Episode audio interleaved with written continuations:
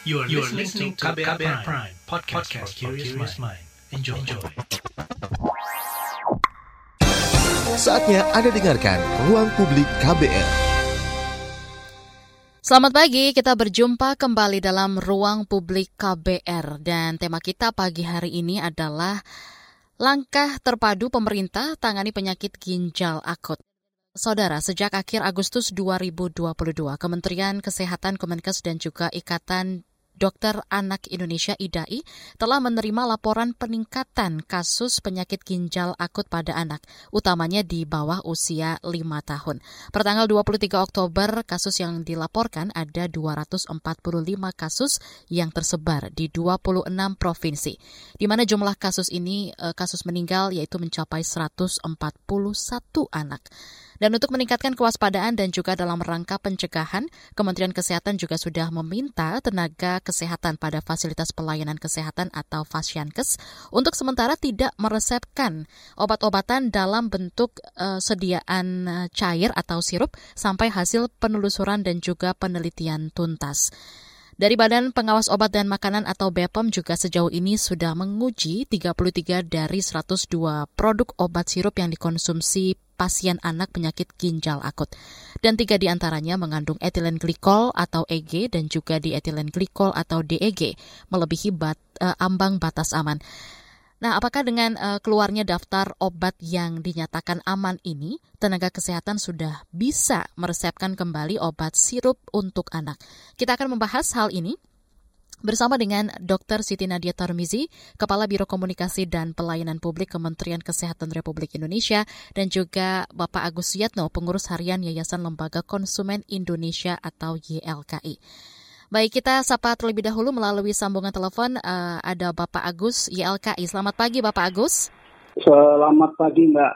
Baik, uh, Bapak ya, Agus, saat ini kan terjadi keresahan di masyarakat ya karena terus bertambahnya ya. kasus penyakit ginjal akut yang korbannya ini kebanyakan balita dan uh, langkah penarikan obat sirup yang dikaitkan dengan penyakit ini. Bagaimana nih Pak dari sisi kejelasan informasi yang diterima masyarakat soal penyakit ginjal akut dan keamanan obat sirup ini sendiri?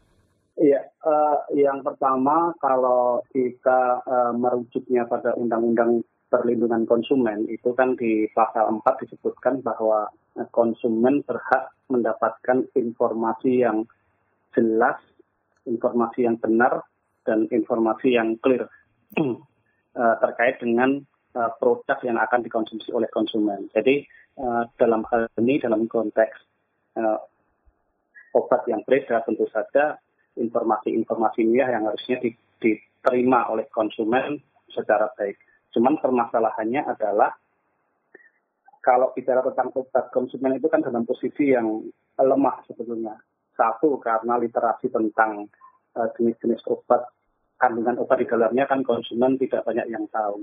Kemudian yang kedua juga posisi lemahnya itu karena ketika uh, konsumen diberikan obat oleh uh, tenaga medis misalkan ya dia akan oke-oke saja. Dia tidak akan mengetahui uh, lebih detail uh, apa itu apa uh, efek samping dari obat, apa itu kandungan dalam obat. Uh, kebanyakan konsumen uh, tidak akan mengetahui atau menanyakan itu lebih detail. Jadi mereka lebih fokus pada pemberian obat agar segera sembuh. Kemudian yang yang kedua ini konteksnya dalam kasus saat ini uh, dalam beberapa hari belakangan kita memang sedang disibukkan dengan uh, kasus uh, adanya gagal ginjal pada anak dan bahkan ada sudah ada korban jiwa yang cukup banyak dan itu dugaannya adalah disebabkan oleh uh, kandungan dalam obat yang melebihi ambang batas. Nah, mm-hmm. ini yang menjadi permasalahan permasalahannya adalah kenapa uh, obat ini bisa beredar. Satu dari pelaku usahanya ini uh, quality seperti apa sehingga mereka bisa meloloskan obat itu di pasaran. Yang kedua, ini juga kalau misalkan Badan POM memeriksa sekarang, ini kan juga sebetulnya menjadi pertanyaan bagi YLKI ketika memberikan informasi tentang obat yang uh, saat ini yang tidak boleh dan saat ini yang boleh. Ini kan menjadi apa ya trust masyarakat itu sudah berkurang. Eh, artinya ketika akan menggunakan atau mengkonsumsi obat uh, cair ini kan menjadi ragu-ragu, menjadi khawatir, jangan-jangan, jangan-jangan, nah seperti itu. Hmm. Jadi uh, idealnya memang uh, dari Badan POM itu merilisnya itu justru uh, melakukan uji sampling atau regular inspection itu uh, pada saat belum ada kasus. Jadi apakah uh, uh, inspeksi reguler ini dilakukan oleh Badan POM? Ya itu kalau misalkan iya, ya itulah yang harusnya dibuka. Kalau ujian, uji lab itu dilakukan ketika sudah ada kasus, ini kan uh, tidak asli, tidak jenin. Masyarakat akan lebih uh, memahami ketika itu dilakukan ketika belum ada kasus. Kalau sudah ada kasus kemudian baru ada uji-uji ini, pertama masyarakat sudah mulai uh, turun dan khawatir. Yang kedua juga uh, hasil dari uji itu kan akan uh, apa ya Badan POM akan mendapatkan tekanan untuk memberikan jawaban terhadap kasus ini. Ya ini dua hal yang yang berbeda. Jadi informasi itu akan lebih fair, akan lebih baik ketika uh, diberikan sebelum terjadi kasus seperti ini. Jadi uh, uji lab uh, post market. Jadi kalau Badan POM kan kewenangan Badan POM ada uh, uji pre-market dan post market. Nah, uji lab post market ini kalau memang dilakukan secara uh, rutin, secara secara berkelanjutan, nah inilah yang ideal ini memang yang dibuka ke ke publik bahwa obat-obat ini uh, ini obat-obat yang uh, bebas dari cemaran. Kemudian disandingkan dengan uh, lab yang sekarang ini sehingga masyarakat menjadi uh, lebih tahu dan uh, transparansinya lebih lebih jelas. Itu uh, Mbak. Baik, bagus. Mungkin lebih detail lagi nih Pak, seperti apa nih penanganan uh, pemerintah terhadap kasus uh, penyakit ginjal akut pada anak ini dalam pandangan YLKI sejauh ini Pak? Iya, uh, bagaimanapun juga YLKI harus mengatakan bahwa uh, pemerintah dalam hal ini uh, yang memegang otoritas pengawasan obat beredar adalah Badan POM ini agak terlambat. Agak terlambatnya apa? Badan POM melakukan uji, Badan POM melakukan apa sampling, kemudian melakukan penarikan dan melakukan pengumuman obat yang dilarang dan obat yang uh, boleh. Ini kan baru sekarang. Sementara korban sudah berjatuhan, korban sudah sudah ada. Apakah kemudian uh, ini akan seperti apa tindak lanjut dari Badan POM? Tetapi secara faktual di lapangan sudah ada korban. Jadi uh, saat ini YLKI memang harus mengatakan ini telat, ini terlambat. Penanganan ini kan harusnya dilakukan uh, inspeksi secara reguler, itu harus dilakukan. Dan kemudian ketika ada hal yang memang itu mencurigakan atau uh, kandungan-kandungan cemaran yang berbahaya, itu bisa diinformasikan jauh jauh hari sehingga bisa uh, mau minimalisir korban atau kalau kalau bisa juga bahkan uh, bisa uh, menghindarkan korban terjadi. Padahal pada saat ini uh, sudah sangat banyak korban. Artinya apa? Penyakit gagal ginjal ini ini kan tidak minum kemarin kemudian sekarang sakit kan tidak, tetapi dalam uh, prosesnya ada. Ya, ini ini artinya kemarin-kemarin informasi ini tidak bisa di, uh, tidak bisa diterima oleh konsumen secara uh, baik secara klik dan secara jelas. Baik, uh, mengenai hak para korban nih Pak yang harusnya diberikan oleh pemerintah ya. seperti apa Anda melihatnya? Ya, uh, konteks hak informasi itu kan ya itu mutlak wajib bahwa uh, konsumen itu berhak mendapatkan informasi terhadap apa yang akan dikonsumsi. Jadi uh, ini bisa melalui uh, tenaga medis yang memberikan, bisa juga melalui informasi yang itu dipublish oleh uh, pelaku usaha maupun otoritas pengawas obat beredar. Nah, uh, mekanisme ini yang yang kemudian uh, ada yang hilang, ada yang terputus ketika kemudian pada saat ini uh, konsumen tidak mendapatkan informasi yang clear, informasi yang detail terhadap obat yang kemarin-kemarin dia konsumsi, sehingga ini mengakibatkan terjadinya uh, misinformasi dan kekhawatiran yang yang saat ini terjadi. Karena ya korban di lapangan sudah ada, korban di lapangan sudah banyak. Dan inilah yang uh, sebetulnya uh, perlu digarap oleh uh, pemerintah bahwa Oke, dibukalah uh, secara secara transparan. Sebetulnya obat apa saja yang itu uh, mengandung cemaran berbahaya, uh, kimia berbahaya, kemudian mana obat yang itu uh, aman untuk dikonsumsi. Meskipun uh, pengumuman ini pun tidak menjamin uh, masyarakat konsumen akan kemudian uh, oke okay, menerima informasi itu dengan dengan dengan segera karena ya melihat dan berkata dari kasus yang yang menimbulkan banyak korban, uh, sekali lagi saya sampaikan ini mengurangi uh, kepercayaan masyarakat terhadap uh, informasi yang diberikan oleh oleh pemerintah maupun badan pom. Masih uh, berkaitan soal hak juga nih ya Pak Agus ya. Selain informasi nih Pak, dengan sudah jatuhnya korban, apa hak-hak uh, pasien yang masih dirawat atau bahkan yang sudah meninggal dunia dan juga yang sudah dinyatakan sembuh?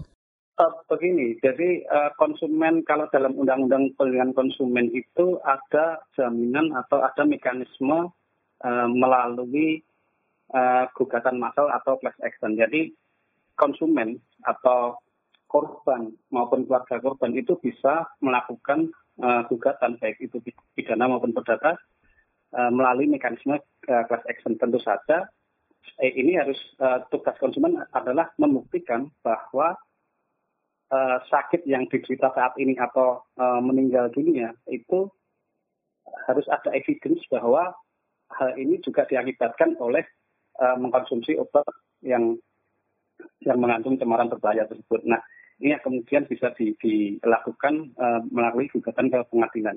Dalam konteks ini uh, saat ini DLKI juga uh, sedang uh, membangun atau memberikan info apa membuka membuka kesempatan ini untuk memberikan pendampingan kepada uh, konsumen untuk menuntut hak mereka, untuk menuntut hak mereka uh, yang tentu saja yang uh, konsumen yang uh, dirugikan terhadap uh, kasus ini, baik itu secara uh, materi maupun uh, sampai kehilangan kehilangan nyawa. Jadi ini ini yang bisa dilakukan oleh konsumen saat ini.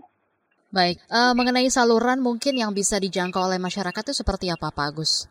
Ya, kalau saluran ke uh, tentang informasi obat tentu saja uh, YLKI tidak memiliki itu. Itu bisa ditanyakan ke uh, yang berwenang. Jadi uh, obat apa saja yang bisa dikonsumsi saat ini dan obat apa saja yang uh, harus dihindari itu uh, tentu tentu menjadi kewenangan dari uh, tenaga medis dan uh, pemangku kepentingan dalam hal ini uh, Kementerian Kesehatan. Uh, yang perlu YLKI sampaikan kepada konsumen uh, untuk saat ini adalah uh, ketika kemudian mendapati keluarganya atau anggota keluarganya ada yang yang sakit, sebaiknya memang uh, berkomunikasi uh, dengan tenaga medis. Jadi jangan jangan sampai kemudian mengambil tindakan sendiri untuk membeli uh, obat di, di apotek, obat bebas di apotek, kemudian uh, mengkonsumsi hal itu. Ini ini yang yang uh, tidak sarankan. Sebaiknya memang uh, mengkomunikasikan hal ini dengan dengan tenaga tenaga medis di baik di klinik maupun di di rumah sakit sehingga penanganannya juga akan pas, uh, pemberian obatnya juga akan uh, sesuai dengan dosis dan uh, tentu saja harapan YLKI apa yang diberikan oleh tenaga medis uh, tentu saja obat yang itu uh, obat yang tidak mengandung cemaran uh, berbahaya. Kemudian yang yang kedua juga saya ingin sampaikan uh, selama sejauh ini juga uh, coba mengedukasi kepada konsumen ketika kemudian uh, mendapati anggota keluarganya uh, memiliki gejala uh, demam misalkan yang itu tidak membutuhkan perawatan khusus atau tindak lanjut medis khusus hmm. itu uh, cobalah menggunakan kearifan lokal yang selama ini sebetulnya ada tetapi pelan-pelan kita tinggalkan karena sedikit-sedikit kita kemudian uh, mengonsumsi obat. Uh, ya, ya, apa kearifan lokal itu termasuk misalkan memberikan kompres pada anak ketika uh, suhu, suhu tubuh tinggi seperti itu. Dengan catatan ini tindakan-tindakan uh, yang bersifat sementara yang uh, tidak memerlukan tindakan medis lanjutan. Tetapi kalau memang membutuhkan tindakan medis lanjutan sebaiknya memang dikomunikasikan dengan dengan tenaga medis. Baik, mungkin itu dari uh, Pak Agus gitu ya mengenai rekomendasi seperti apa yang bisa dilakukan masyarakat tanpa harus menggunakan obat-obatan terlebih dahulu ya Pak Agus ya. Baik, terima kasih yeah. sekali untuk penjelasannya Pak Agus dari YLKI mengenai yeah. hal ini. Nanti yeah, yeah, uh, untuk Anda pendengar uh, nanti juga akan bergabung dengan kami di sini di ruang publik KBR bersama dengan Dr. Siti Nadia Tarmizi, Kepala Biro Komunikasi dan Pelayanan Publik Kementerian Kesehatan Republik Indonesia masih membahas mengenai uh, langkah terpadu pemerintah tangani penyakit ginjal akut. Tetaplah di ruang publik Publik KBR. Masih Anda dengarkan Ruang Publik KBR. Commercial break. Sekarang kamu nggak bakal ketinggalan berita lagi. Lewat podcast, kamu bisa kembali menyimak apa yang sudah lewat serta obrolan seru di balik sebuah peristiwa. Gak perlu repot download aplikasi lagi. Ketik aja kbrprime.id di browser ponsel pintar kamu dan simak beragam podcast di KBR Prime. Mulai rangkuman berita hingga cerita. KBR Trending, Ruang Publik, Love Bus, Disco, Diskusi Psikologi, Parbada, Ngulas Film, Lika-Liku Mancanegara, Cek Fakta, dan masih banyak lagi. Jadi waktu pas saya mau bunuh diri itu halusinasi saya bilang mati aja buruan sampah katanya mau mati. Teman-teman juga ada pada tahu sih I'm gay. Tapi mereka fine-fine aja sih selama kita baik mereka welcome kok. KBR Prime menemani aktivitas harianmu yang padat dengan beragam informasi dan obrolan seru kapan saja dan di mana saja. Temukan juga podcast KBR Prime di aplikasi podcast lainnya. KBR Prime, cara asik mendengar berita. KBR Prime, podcast for curious mind. Masih Anda dengarkan Ruang Publik KBR. Ya, Anda masih menyimak ruang publik KBR dengan tema menanti langkah terpadu pemerintah tangani penyakit ginjal akut. Dan uh, pagi ini sebelum kita bergabung dia juga uh, bertanya langsung dengan Dr. Siti Nadia Tarmizi, kita akan dengarkan terlebih dahulu laporan khas KBR yang, di, yang disusun oleh jurnalis KBR.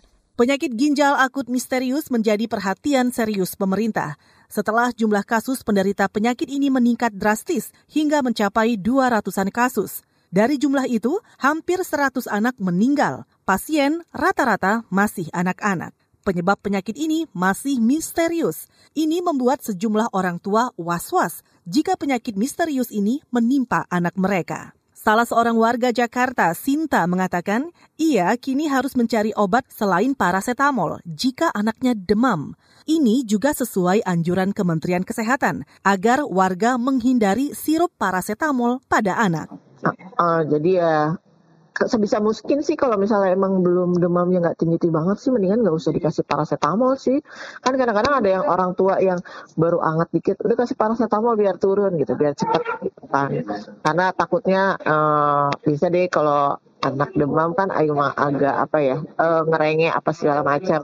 Cuma kalau memang belum tinggi banget mendingan dikasih madu atau air putih hangat aja dikasih apa uh, minum yang banyak biasanya gitu. Warga Jakarta lainnya, Sri, juga cemas. Ia pun mencari tahu langkah-langkah yang harus diambil agar bisa mendeteksi dini gejala penyakit ini. Kalau misalnya udah apa kayak uh, buang air kecilnya udah berkurang, terus warna air kencingnya itu udah beda. Kan harusnya kalau dia minum kan uh, agak bening gitu kan nggak nggak terlalu pekat. Ini kalau udah pekat itu harus segera dibawa ke rumah sakit.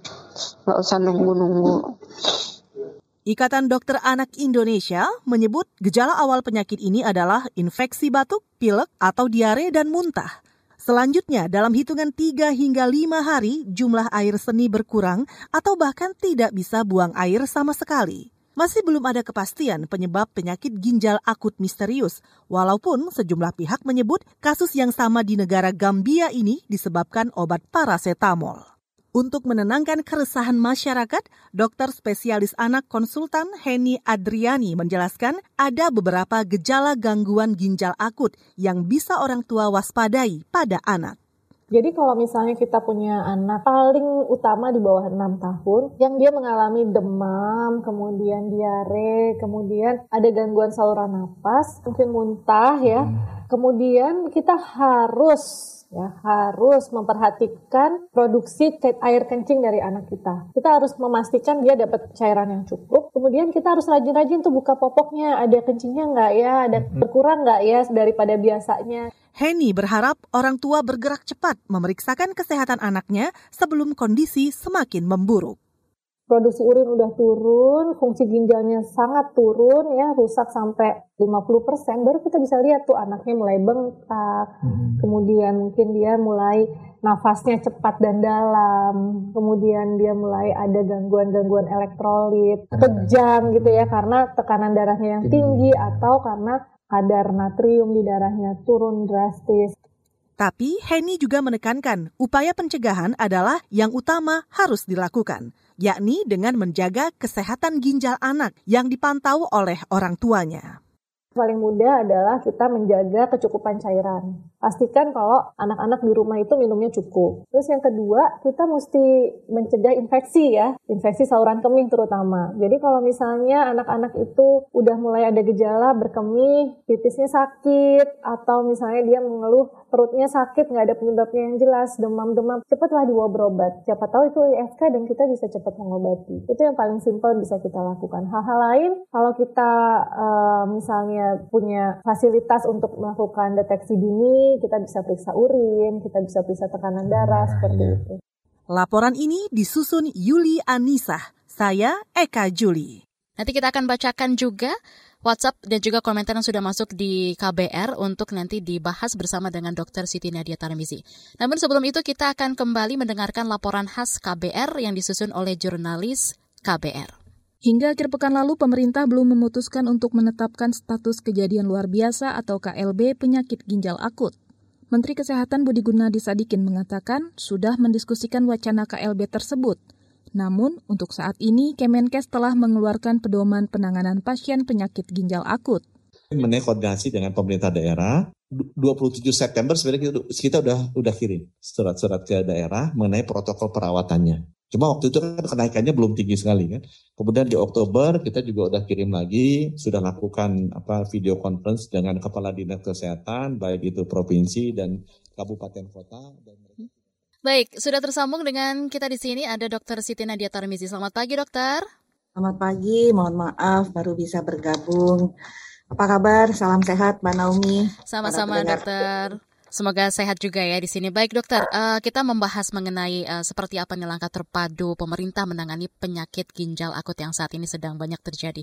Nah dokter, uh, per tanggal 23 Oktober yang lalu kasus yang dilaporkan ini ada 245 kasus yang tersebar di 26 provinsi, di mana jumlah kasus meninggal sudah mencapai 141 anak. Nah bagaimana nih dok update-nya kondisi pasien yang saat ini masih dirawat mungkin seperti apa nih dok? Dan untuk pasien yang sudah sembuh, apakah sudah sembuh total atau memang ada ada pengobatan lanjutan? Seperti apa dokter? Silakan. Iya, jadi uh, seperti tadi disampaikan ya, uh, per tanggal 23 Oktober, uh, 24 Oktober ya sebenarnya Baik. ini uh, kalau uh, kita lihat ya uh, nanti kita akan uh, update lagi tentunya datanya ya tapi dari uh, data per tanggal uh, 24 Oktober kita lihat ini sudah ada 255 kasus uh, gagal ginjal akut progresif atipikal atau kita sebut AKI ya uh, di 26 provinsi. Nah, kalau melihat uh, jumlah yang kemudian meninggal itu ada 143. Nah, sementara uh, kalau kita melihat lagi uh, jumlah yang masih dirawat saat ini ada 74 uh, dan 38 sudah sembuh. Nah, salah satunya adalah tentunya yang saat ini kita ketahui uh, juga uh, yang, di, uh, yang dilakukan perawatan di RSCM dan sudah mendapatkan obat antidotum yaitu fomepizol. Baik. Nah, uh, dokter uh, dari hal yang sudah terjadi seperti ini gitu dok ya. Mungkin gejala seperti apa nih? Uh, anak harus dibawa ke rumah sakit atau juga fasilitas kesehatan lainnya dok? Ya, ini yang merupakan tantangan ya Mbak Nomi ya, karena memang penyakit gangguan ginjal akut progresif atipikal ini berbeda dengan uh, gangguan ginjal yang biasanya kita temukan uh, sebelumnya. Karena kan memang kalau kita lihat ya bahwa uh, uh, gangguan ginjal akut progresif atipikal ini kan meningkat sangat tajam di bulan Agustus ya 36, kemudian uh, di bulan September 78 dan terakhir ini di Oktober ini masih terus bergerak angkanya ya, bahkan saat ini sudah 114 yang dilaporkan. Memang bukan semua kasus baru ya, tapi memang karena kemudian uh, rumah sakit kemudian melihat kembali sesuai dengan surat edaran Dirjen Yankes yang disampaikannya. Jadi memang kewaspadaannya meningkat terhadap gejala-gejala yang sebelumnya ditemukan. Nah, memang gejala yang paling khas itu adalah uh, tidak atau berkurang uh, buang air uh, kecilnya atau berkemihnya hmm. frekuensi dan jumlahnya berkurang bahkan pada stadium yang berat itu sampai tidak bisa uh, berkemih sama sekali. Nah ini menjadi penting buat para orang tua kalau melihat anaknya kalau misalnya terlihat tidak ada gejala demam atau gejala ngantuk, batuk, pilek, tapi kemudian tiba-tiba air ke kecil atau uh, berkemihnya menjadi berkurang berkurang dan bahkan tidak ada sama sekali ya dari jumlah maupun frekuensinya itu harus segera dibawa ke rumah sakit. Nah, yang penting-penting juga tadi pada saat kondisi seperti ini adalah uh, kewaspadaan orang tua terhadap asupan cairan. Jadi kalau hmm. anak sakit gitu ya, demam gitu kan biasanya anak males yeah. uh, minum ya Mbak Nomia sehingga ini yeah. jadi penting pastikan anak minum cukup dan pastikan juga uh, berkemihnya juga uh, memadai. Nah ini ciri khas. Uh, keluhan terbanyak ya kalau kita lihat dari pasien-pasien yang dirawat di rumah sakit itu adalah demam, kemudian rasa badan tidak enak, kemudian ada diare, ada batuk, ada pilek. Jadi karena memang gejala tidak khas sampai kemudian kita menemukan gejala tidak bisa berkemih tadi. Baik, terima kasih Dokter Nadia. Nanti kita juga akan lanjutkan kembali eh, perbincangan kita pagi hari ini mengenai menangani uh, penyakit ginjal akut yang saat ini sedang banyak sekali dialami oleh khususnya anak-anak. Ruang Publik KBR akan segera kembali. Masih Anda dengarkan Ruang Publik KBR. Ya, kembali lagi di ruang publik KBR bersama saya Naomi Liandra dan juga narasumber kita pagi hari ini Dr. Siti Nadia Tarmizi. Kita akan membahas mengenai langkah terpadu pemerintah tangani penyakit ginjal akut dan ini juga mungkin uh, menjawab pertanyaan-pertanyaan mengenai penyakit ginjal akut yang saat ini sedang uh, banyak dialami oleh anak ya. Baik, uh, kita uh, akan baca ada beberapa WhatsApp yang masuk dan juga di YouTube KBR di komentarnya akan kita bacakan juga satu persatu. Kita baca terlebih dahulu. Yang pertama ada dari Ibu Niti di Jakarta. Yang ditelitikan obat sirup bagaimana dengan vitamin anak yang bentuknya cairan. Saya sekarang malah khawatir kasih vitamin cair ke anak saya. Setahun ini saya berikan mereka vitamin cair. Eh, bagaimana dengan makanan dan minuman dalam plastik yang kemungkinan penyimpanan penyimpanannya tidak sesuai aturan? Baik, uh, itu dulu mungkin uh, dokter bisa ditanggapi. Silakan. Uh, ya, terima kasih Mbak Nomi. Jadi uh, untuk uh, tentunya ibu-ibu uh, ya tentunya atau uh, yang punya anak uh, yang kemarin sebelum diumumkan untuk menunda sementara penggunaan obat cair atau sirup, uh, tentunya yang pertama kita lakukan hentikan. Ini yang pertama. Yang kedua, pastikan obat obat-obat cair yang sudah dibuka, mungkin kan sudah ada yang enam bulan yang lalu. Biasanya kan kalau obat demam itu atau obat batuk, Mbak Nomi disimpan ya setelah iya. dibuka. Nah, tapi kalau penyimpanannya tidak betul, sebaiknya mulai sekarang kita perhatikan bahwa kita harus menyimpan obat tadi dengan baik ya.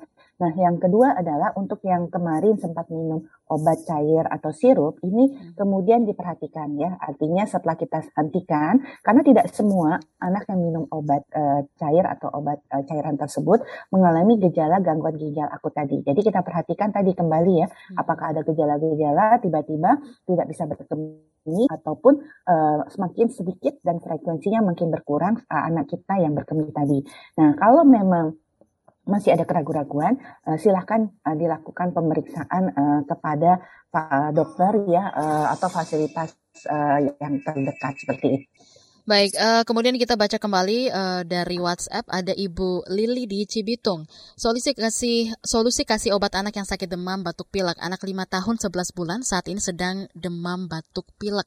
Dua minggu lalu saya ke dokter dikasih obat cair untuk tiga keluhan. Nah sekarang anaknya demam batuk pilek lagi, tapi saya takut bawa ke dokter karena takut dapat obat cair lagi. Jadi uh, saya minumkan obat yang saya dapat dua minggu lalu. Ini seperti apa nih dok solusinya?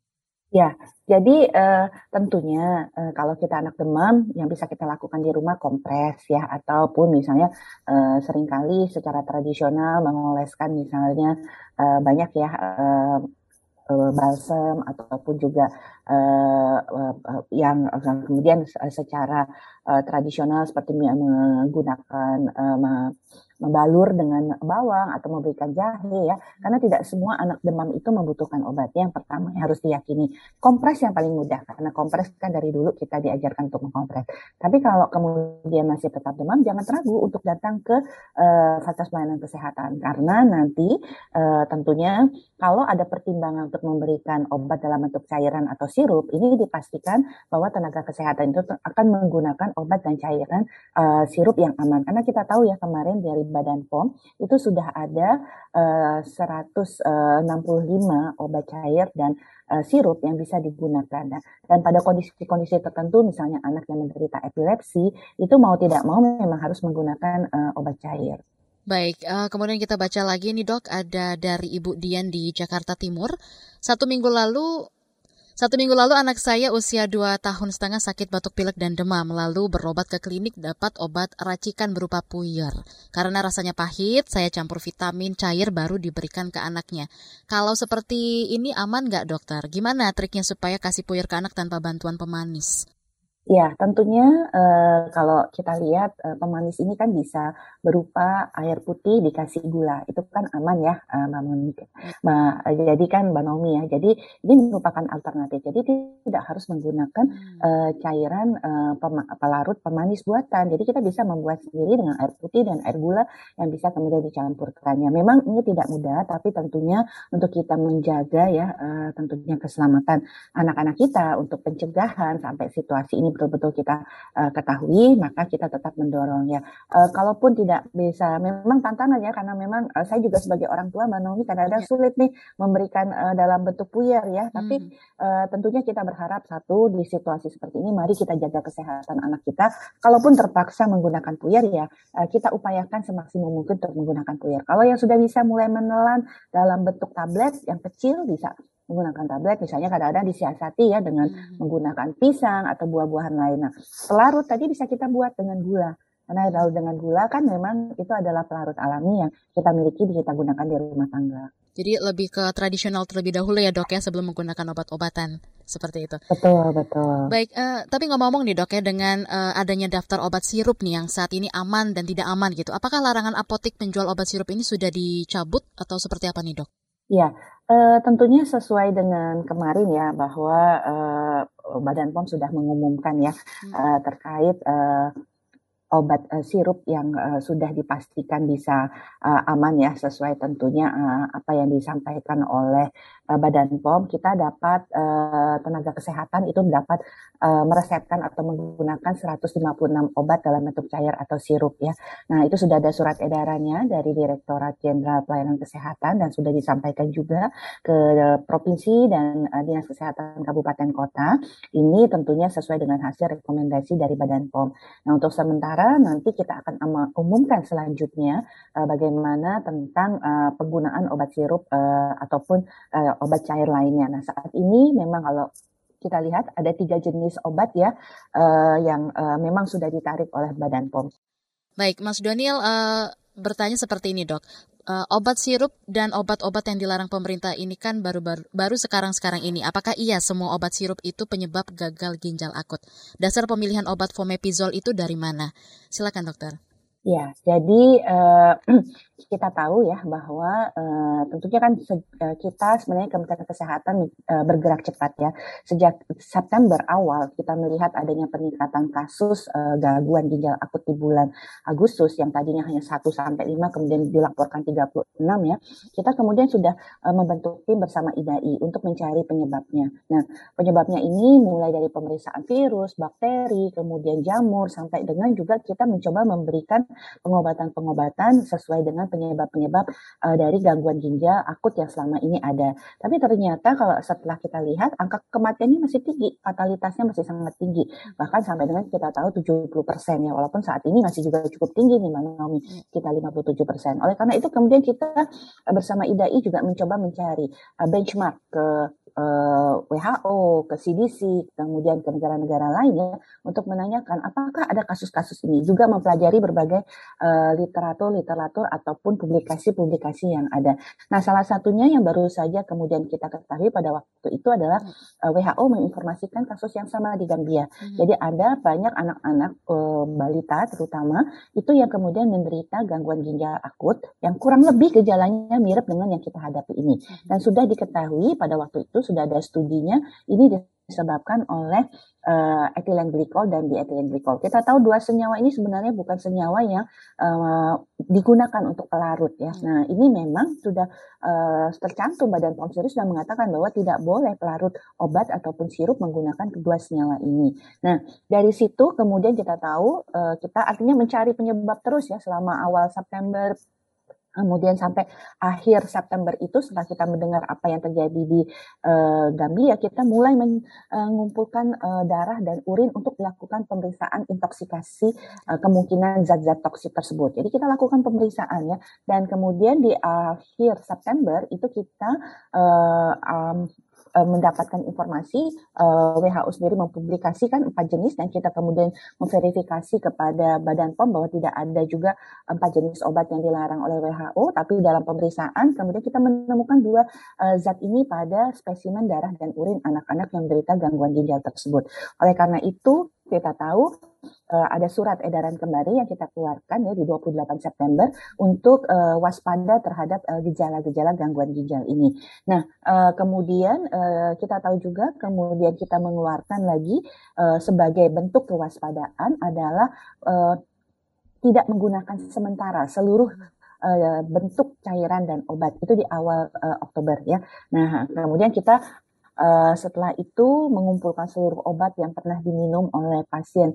Uh, gangguan ginjal ini, kemudian dilakukan pemeriksaan, kita serahkan Badan POM untuk dilakukan pemeriksaan, dan juga uh, tadi spesimen anak-anak tadi kita uh, juga lakukan pemeriksaan. Di sisi lain kita belajar bahwa ada obat uh, antidotum penawar zat toksik tadi yang uh, kita tahu itu yang disebut sebagai uh, fomepizol ya, uh, yang kemudian uh, dilakukan di awal uh, di uh, rumah sakit uh, Cipto Mangunkusumo. Jadi pada waktu itu awal kita memiliki 10 vial yang kita dapatkan dari Singapura yang kemudian diuji cobakan karena begitu anak-anak masuk ke dalam kondisi cuci darah, biasanya mereka terus memburuk-memburuk dan berakhir pada kematian. Nah, kemudian dengan tentunya literatur, dengan tentunya belajar dari apa yang dilakukan oleh Gambia, kita menggunakan uh, zat uh, fomepizol ini ya, dan kemudian kita melihat ada perbaikan. Kemudian didatakan lagi 10 vial ya dan uh, ini tentunya kalau kita lihat banyak sudah literatur dan publikasi-publikasi tentang bagaimana uh, penawar zat toksik ini digunakan uh, uh, seperti obat fomepizol ini. Baik. Uh, dokter, nanti kita akan lanjutkan kembali obrolan kita dan juga masih banyak sekali yang ingin uh, menanyakan gitu dok. Jadi ini kita menjawab pertanyaan mengenai penyakit gaga, uh, penyakit ginjal akut yang saat ini sedang banyak terjadi. Ruang Publik KBR akan segera kembali. Masih Anda dengarkan Ruang Publik KBR. Commercial break.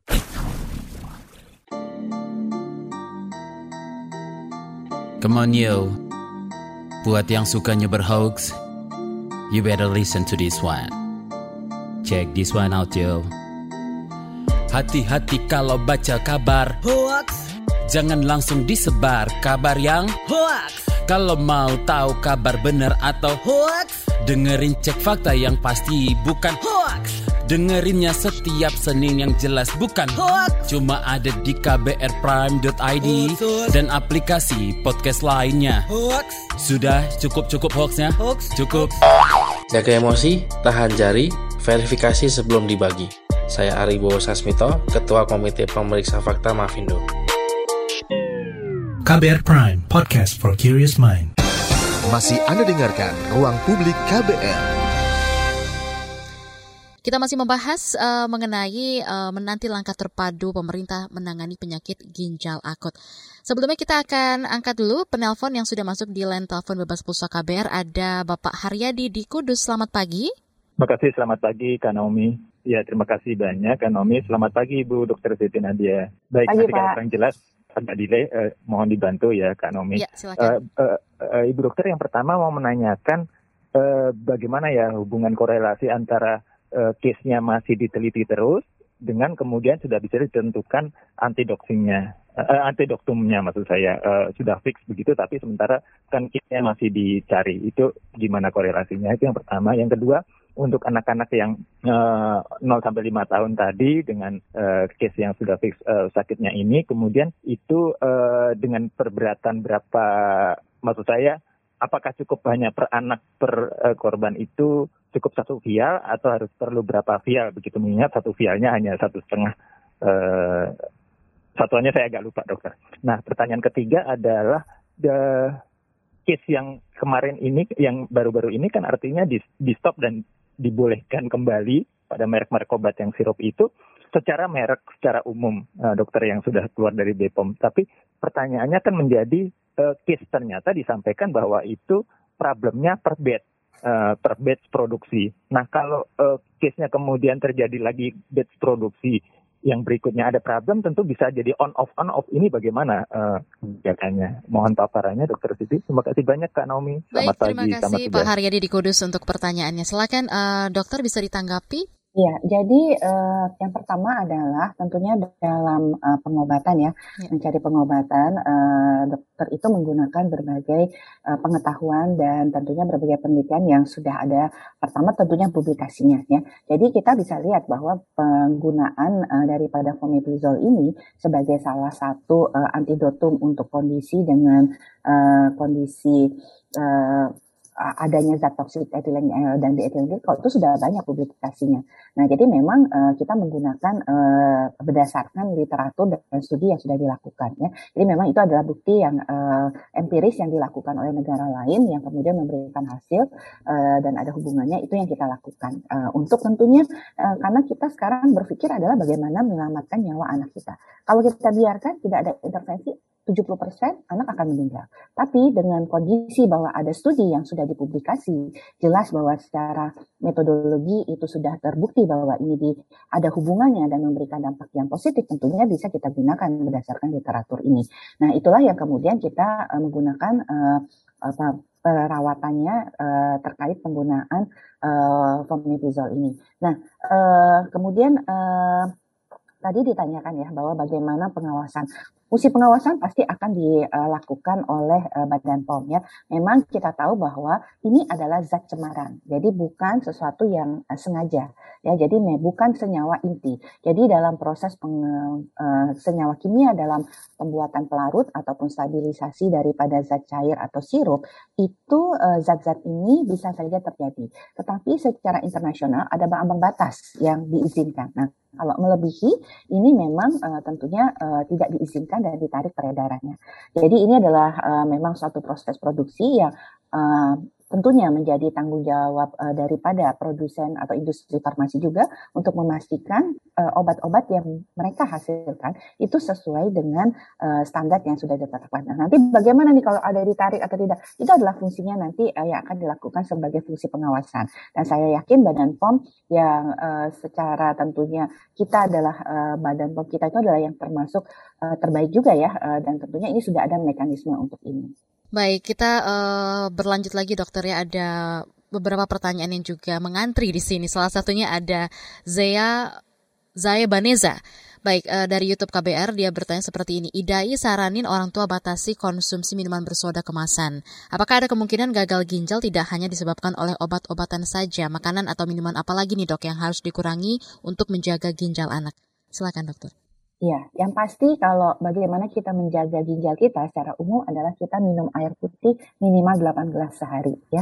Karena itu yang selalu kita sampaikan juga mulai dari dewasa sampai anak-anak bahwa minum air putih yang matang tentunya itu uh, minimal 8 gelas uh, per hari. Nah, uh, yang kedua adalah tentunya kalau kita berbicara mengenai kandungan daripada kemungkinan uh, pelarut propilen uh, glikol dan uh, tentunya sorbitol atau lainnya ini uh, di luar daripada obat ini tentunya akan uh, dikaji lagi. Makanya kita kemudian mengatakan bahwa kita menghentikan pengobatan obat sirup ini adalah tentunya uh, sebagai antisipatif. Sambil tentunya uh, kita melakukan penelusuran dan kajian lebih lanjut. Karena uh, satu obat cair itu kan bukan single. Biasanya kalau anak-anak minum tuh ada obat demam, obat batuk, obat pilek yang mungkin ketiga obat itu mengandung uh, hal tersebut. Kemudian juga uh, diketahui uh, pelarut ini juga uh, digunakan untuk melarutkan uh, dalam bentuk cairan lainnya ya. Nah ini tentunya uh, sedang diteliti lebih lanjut dan ditelusuri dan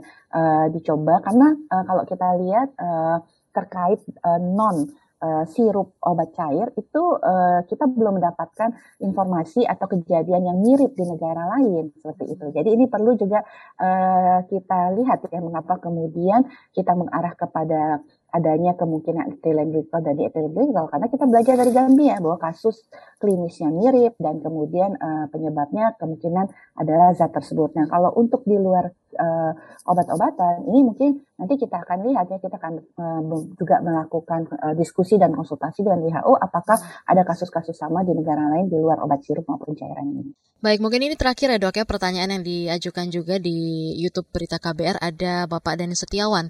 Langkah terpadu apa yang dilakukan pemerintah selain mempercepat pengadaan obat ginjal dan juga pemeriksaan obat yang dilakukan oleh Badan POM? Silakan dokter.